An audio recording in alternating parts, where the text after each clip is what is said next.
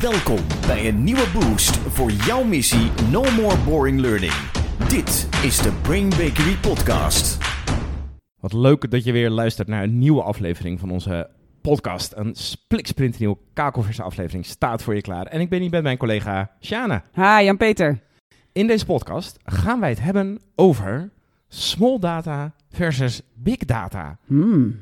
Wat is dat in hemelsnaam? En wat heeft dat te maken met de wereld van L&D?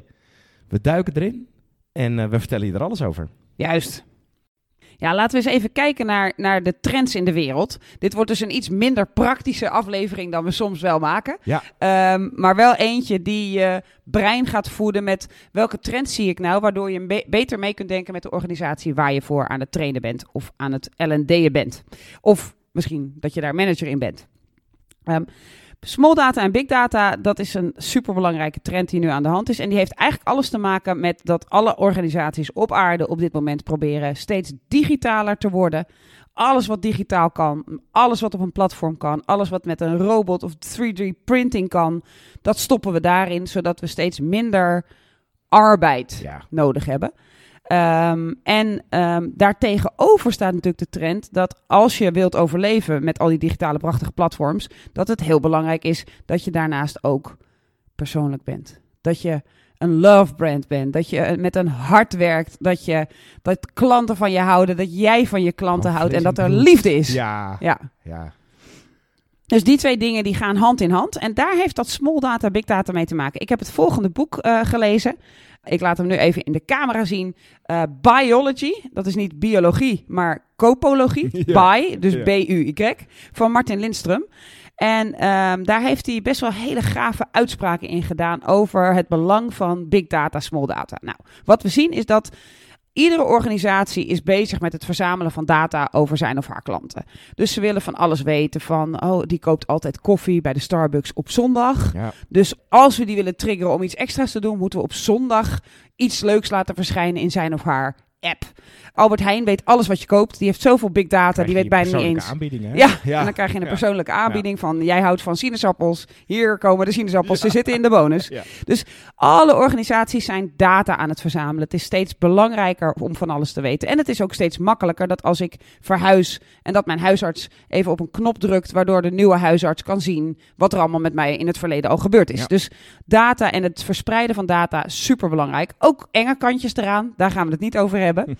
maar naast die big data, die je dus nodig hebt om te weten wat zijn de cijfers van deze organisatie, hoe staan ze ervoor, hoe gaat het met, het met de verkoop, hoe gaat het met de kostenbesparing. Al die cijfers die al die organisaties verzamelen over hun eigen performance, maar ook over hun klanten, die zijn interessant.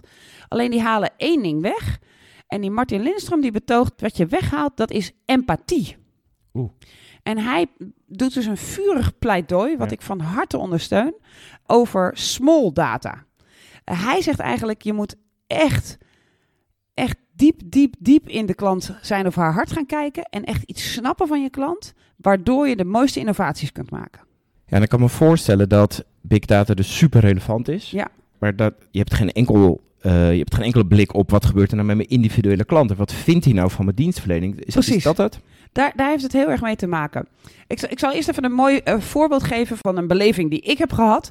eh, rondom hoe digitalisering en personalisering heel goed werkte. En dat was bij onze vrienden van Coolblue. Oh, leuk. Ik kwam hier wonen in dit huis. Even een kleine anekdote. En eh, we woonden hier. De hele keuken was rood. Vraag me niet waarom, maar die was rood. Eh, wij gingen hier wonen. En wij hadden. Dat doe je altijd als je ergens gaat wonen. Dan koop je heel veel nieuwe boodschappen in. En wij, wij ruimden de kastjes in. En wij ruimden de koelkast in. Koelkast begon te roken. Nou, wij in paniek. Stekker eruit.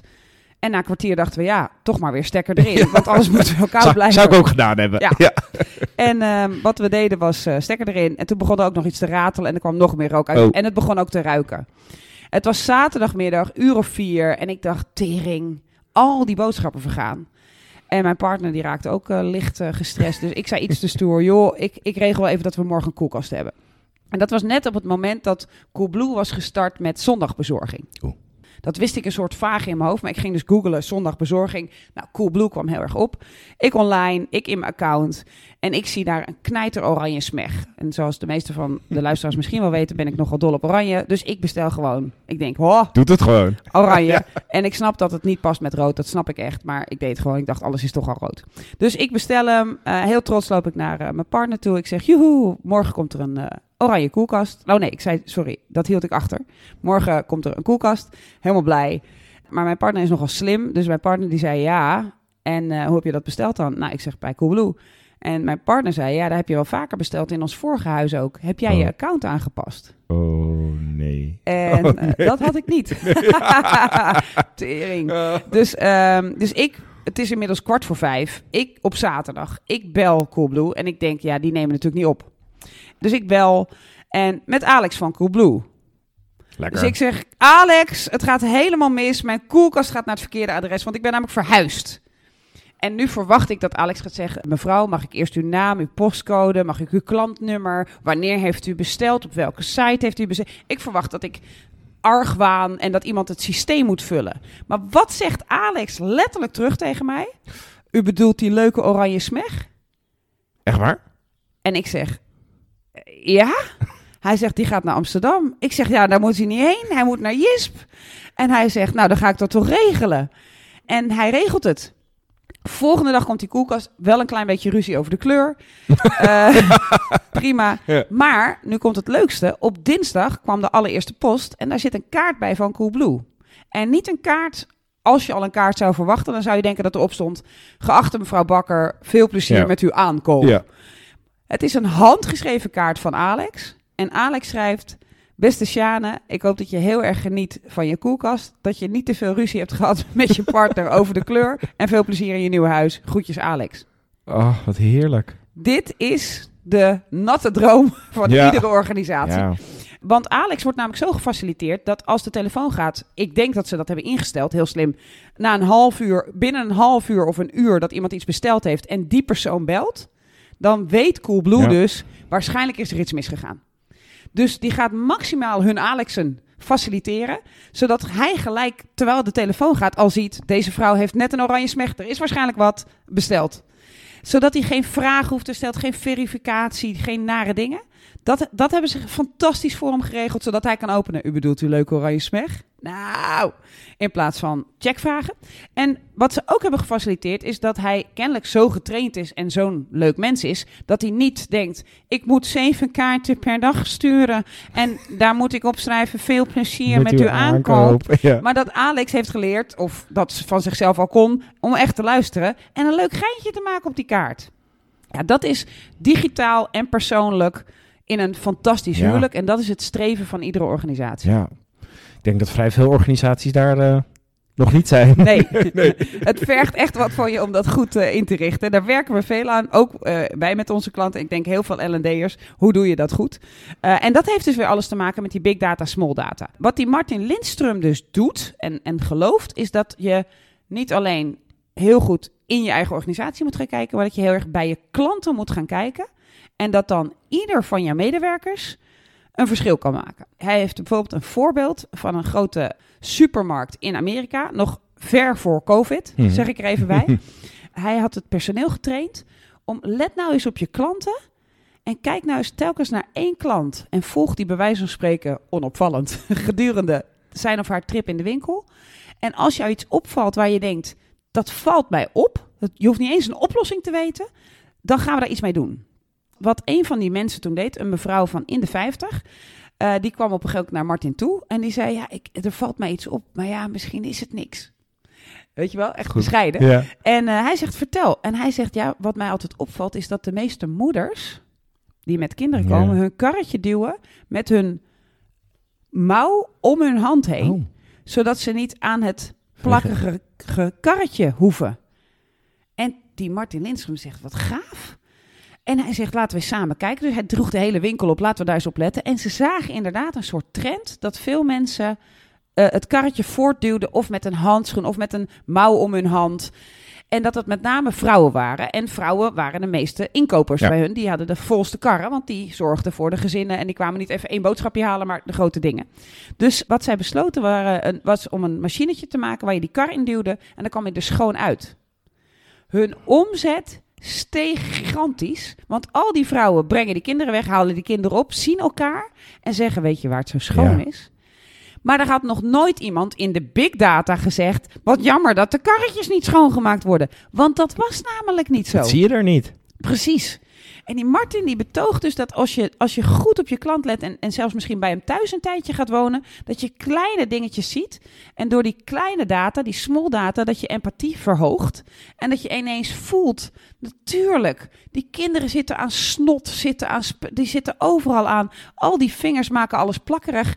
Die moeders die, die doen dat de hele dag. Die hebben gewoon een soort speciale extra lange mouwen Ja. om niet in die, in die plakzooi te komen. Wat fascinerend. Ja, Het aparte is, ik herken dit wel van een, vanuit een heel ander concept. Ja. Niemand wil dat er natuurrampen in de wereld gebeuren, Nee. maar ze gebeuren wel. En als je dan in het nieuws hoort, er zijn ergens in een ver land zoveel 10.000 mensen omgekomen door een aardbeving of een overstroming. ja. Dat is, ik denk dat iedereen dit herkent. Je voelt rationeel, voel je wel, ja, dit is heel erg. Het is heel erg dat er 10.000 mensen zijn gestorven. Maar het, het lukt niet om, om je hartsoort daarvan te laten bloeden. Mm. Want het is te abstract, het is te groot. 10.000, dat kun je bijna niet eh, verwerken. Ja, Maar als er dan vervolgens een eh benefietshow is... of een reportage op het journaal... waarbij er één iemand wordt geïnterviewd Ja. wordt... En, die, en die je ziet hem breken omdat bijvoorbeeld zijn dochter of zoon is overleden... Ja, dan ineens denk je... hoe kan ik helpen? Ja. Wat is dit vreselijk? En dan voel je die empathie opkomen. Small dat- data ja. is empathie. Ja. En big data is mentale, cognitieve meeleven. Maar Ja. dat is een hele andere meeleven dan in actie komen. Ja. Ja. Ja.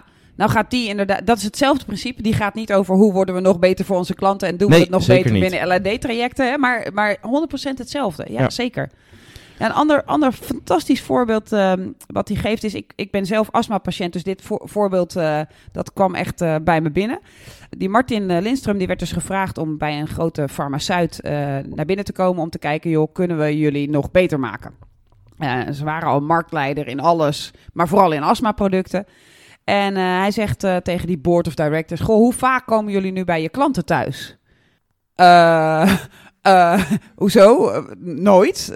Er bleek zelfs een soort bureaucratische regel te zijn dat dat een soort niet mocht. Oh. Vanwege de confidentiële. Nou ja, weet ik veel. Er waren allemaal regels, mocht allemaal niet. Dus die Martin Lindstrom zegt: Nou ja, als je beter wil worden, moet je bij je klanten thuis zijn. Want je moet empathie hebben en je moet small data verzamelen. Dus hij eh, bij zo'n eh, patiënt thuis en, en, en vragen en meekijken hoe, wat gebeurt er nou in het leven van die persoon. En eh, hij kwam op een bij een jong meisje die astma had en die was op een gegeven moment in de McDonald's. En daar hadden haar vrienden verteld van, joh, ik, wat is dat nou, dat astma van jou? En toen had zij, omdat daar heel veel rietjes beschikbaar waren, had ze hen allemaal een rietje gegeven en Mhm. gevraagd, doe je neus dicht en adem nou eens een minuut lang door het rietje. Oh, En dat is, eh, ik heb het zelf ook geprobeerd, best wel moeilijk. Het kan wel, hè? je raakt niet buiten adem, maar al je focus en alles wat je hebt gaat over, krijg ik genoeg lucht binnen? Hè? Dus, dus je wereld wordt even heel klein. Hij deed dat ook met haar, zodat hij dat ook ervoer. En die ervaring nam hij mee naar die boord.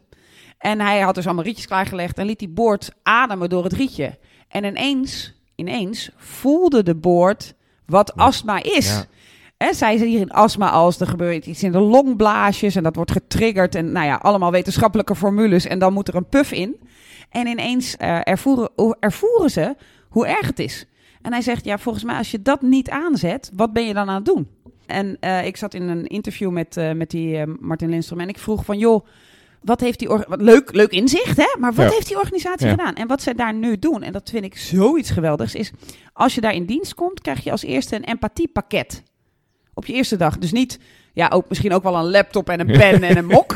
maar je krijgt ook een empathiepakket. En het empathiepakket, daar zitten allemaal dingen in, zodat jij kunt ervaren wat hun klant, hun eindgebruiker, ervaart. Dus oordopjes om te ervaren, als je doof bent, hoe ga je dan door je dag?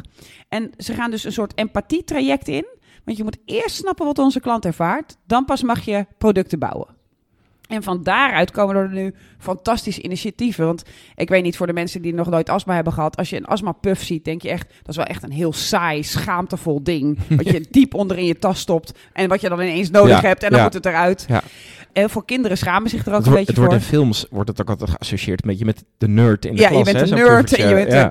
Ja. Ja, wat ze nu doen is met kinderen bouwen ze dus de meest fantastische, opwindende astmapuffen op aarde. Met Captain America erop. En dat gewoon extra lucht in je longen komt. Oh, en dat het gewoon heel stoer is. Ja. Ja, dus small data, het observeren van je eindgebruiker, kan je tot fantastische ideeën leiden, laten leiden.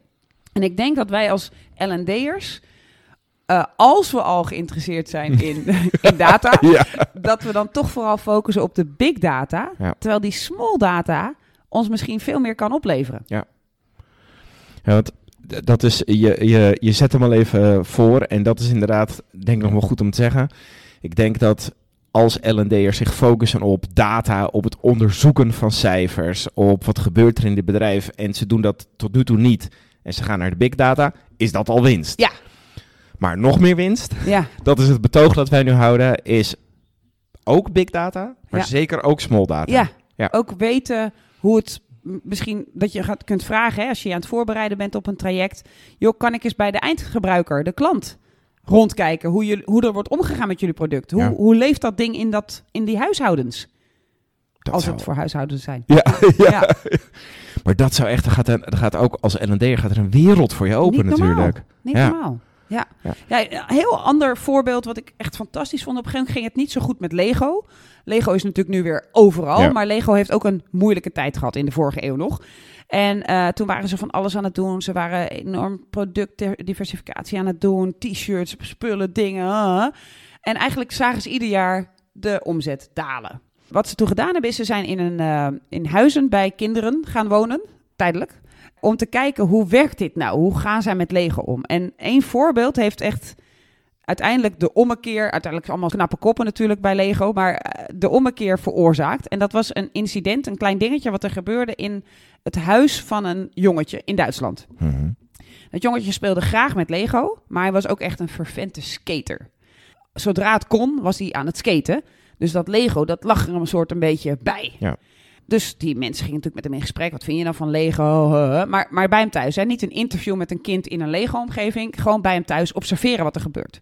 En eh, die jongen die speelde wel met Lego, maar het was wel een beetje makkelijk.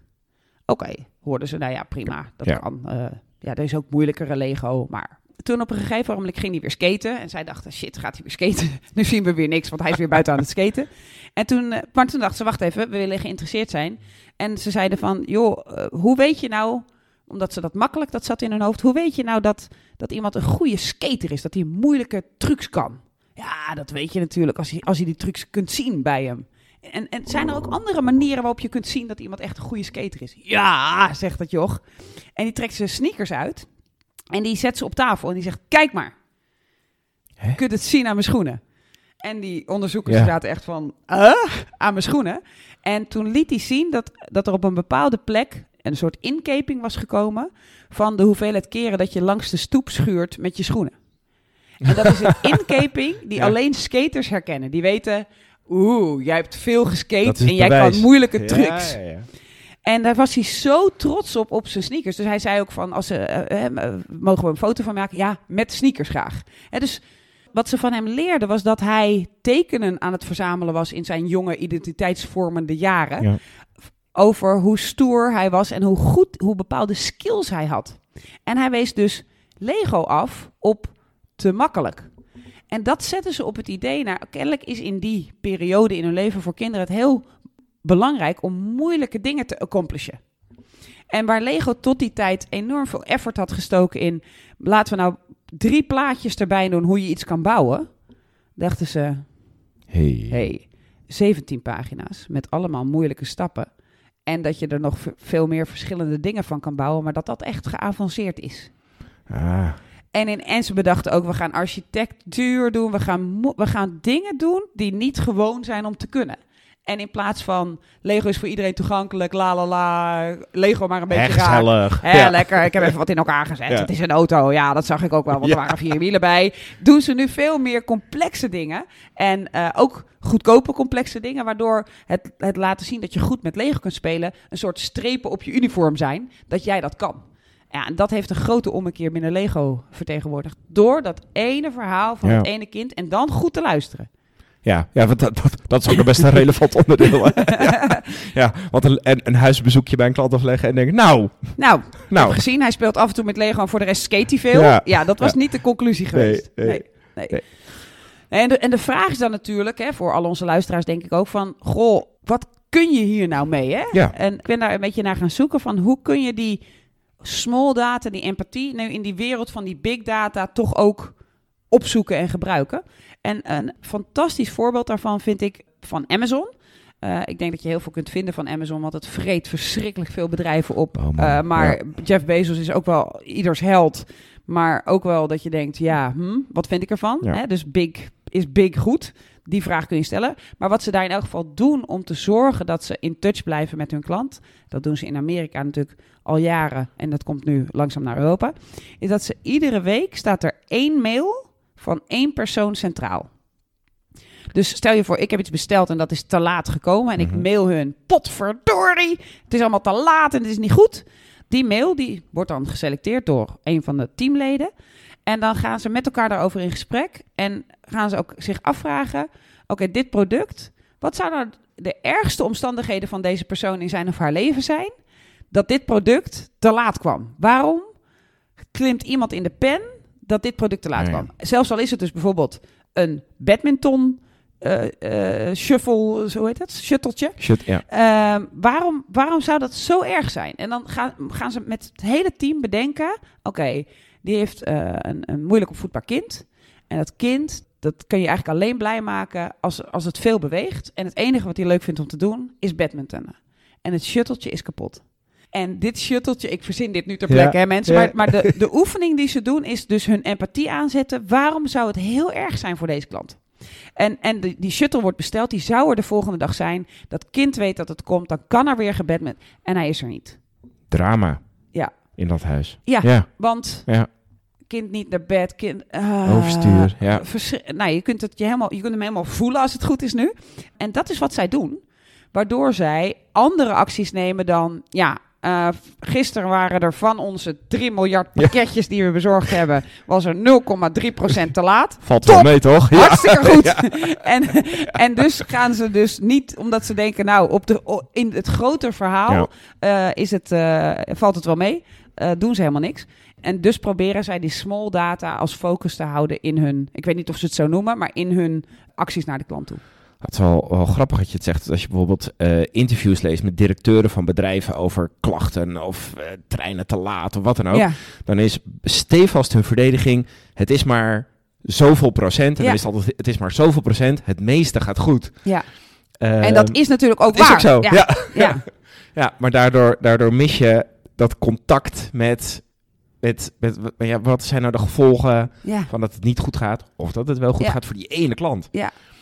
En wat ik wel grappig vond toen jij ging uitleggen over, ja, bij Amazon ging ze dan één e-mail centraal stellen. Ik merkte dat ik heel even dacht, ja, ik denk dat heel veel bedrijven dit doen. Want dan gaan die analyseren wat ging hier goed en Ja. fout.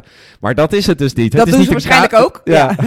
het is dus niet een soort procesmatige casusstudie. Nee. eh, maar het is je echt inleven in, In- wat, wat zit hier nou achter. ja. Wat, wat zou de ergste zijn en wat zou de makkelijkste zijn? Ja. Nou, de makkelijkste is denk ik altijd... eh, ik ben gewoon een ontzettende lul. en ik, baal, en ik, ben, ik leef gewoon op aarde om anderen op hun falie te geven. En dan kun je daar ook nog een dramatisch verhaal... waarom ben ik dan zo'n lul geworden? Hè? Want er is van alles in mijn leven gebeurd. Maar, en daarom mail ik iedereen zodra er iets te laat is. Want ik vind het lekker om, om mensen daarop te wijzen. Maar daar zit nooit... Daar ga je nooit rijker van Nee. worden. Daar ga je nooit mooie acties van bedenken. Daar ga je nooit goede excuusbrieven van opstellen. Daar ga je gewoon van denken, ja, jij was dus die ene lul, Ja. laat maar. Je hebt altijd zo eentje. Ja. Ja, Ja. dus L&D'ers Ja, is onze oproep. Gebruik sowieso, sowieso data. ja, Maar dat hebben we al heel vaak eh, op, eh, opgeroepen. Goed, doe goed onderzoek. En daar waar de trend voornamelijk bij nog veel bedrijven is om je te focussen op big data, is er dus een andere trend ontstaan, small data. En die creëert de empathie met je eindgebruiker, met je eindklant. Waardoor je tot briljante Ja. acties komt. Ja. Ja. En dat is dus voor de organisatie goed. Maar als L&D'er in een organisatie of als externe L&D bij een organisatie, levert je dus ook super waardevolle informatie op om weer een traject te ontwerpen. Ja, en misschien als extra challenge. Vraag de komende weken eens aan al je klanten. Wanneer was, het, was je voor het laatst bij jouw klant thuis? Dus Ja. aan al je opdrachtgevers of klanten of, of je collega's. Wanneer waren we voor het laatst bij een klant thuis? Om te kijken hoe gaan ze met onze diensten, producten om? Hoe is dat voor hun? Dan kom je tot zoveel prachtige mini-innovaties. Ja. Ja. En ik denk dat het antwoord op die vraag schrik- schrikbarend is. Ja, ja. Ja. Ja, want we kijken naar de getallen. Ja, wat ik ook snap. Het is, is een relatief nieuwe trend, toch? Die, eh, Eh, nou ja, eh, Martin Lindstrom doet het al jaren en schrijft er al jaren boeken over. Maar ja, ik denk dat die grote getallen ons ook een beetje in slaap sussen. Van kijk eens, zoveel winst, maar zoveel, zo weinig fouten. Het gaat goed met ons. dat is veel lekkerder om Ja. daar te zitten. Zeker. Ja, en ik denk dat het voor L&D'ers ook heel waardevol is. niet alleen maar om de informatie te krijgen als je dit doet. Maar ik denk, want het is dus een trend die nog niet wijdverbreid is. Dat je ook gelijk super onderscheidend Ja. bent eh, als je dit doet. Dus het is ook gewoon, het is ook in die zin commercieel ook nog heel relevant. En zo komen we aan het einde van deze podcast over de twee grote trends. Small data versus big data. Wij danken iedereen voor het luisteren. Laten we ook deze week de wereld weer een stukje mooier maken door boring learning uit te bannen. En heel graag tot de volgende keer. Houdoe. No more boring learning. Dit was de Brain Bakery podcast. Wil je meer weten? Kijk dan op brainbakery.com of volg ons op onze socials.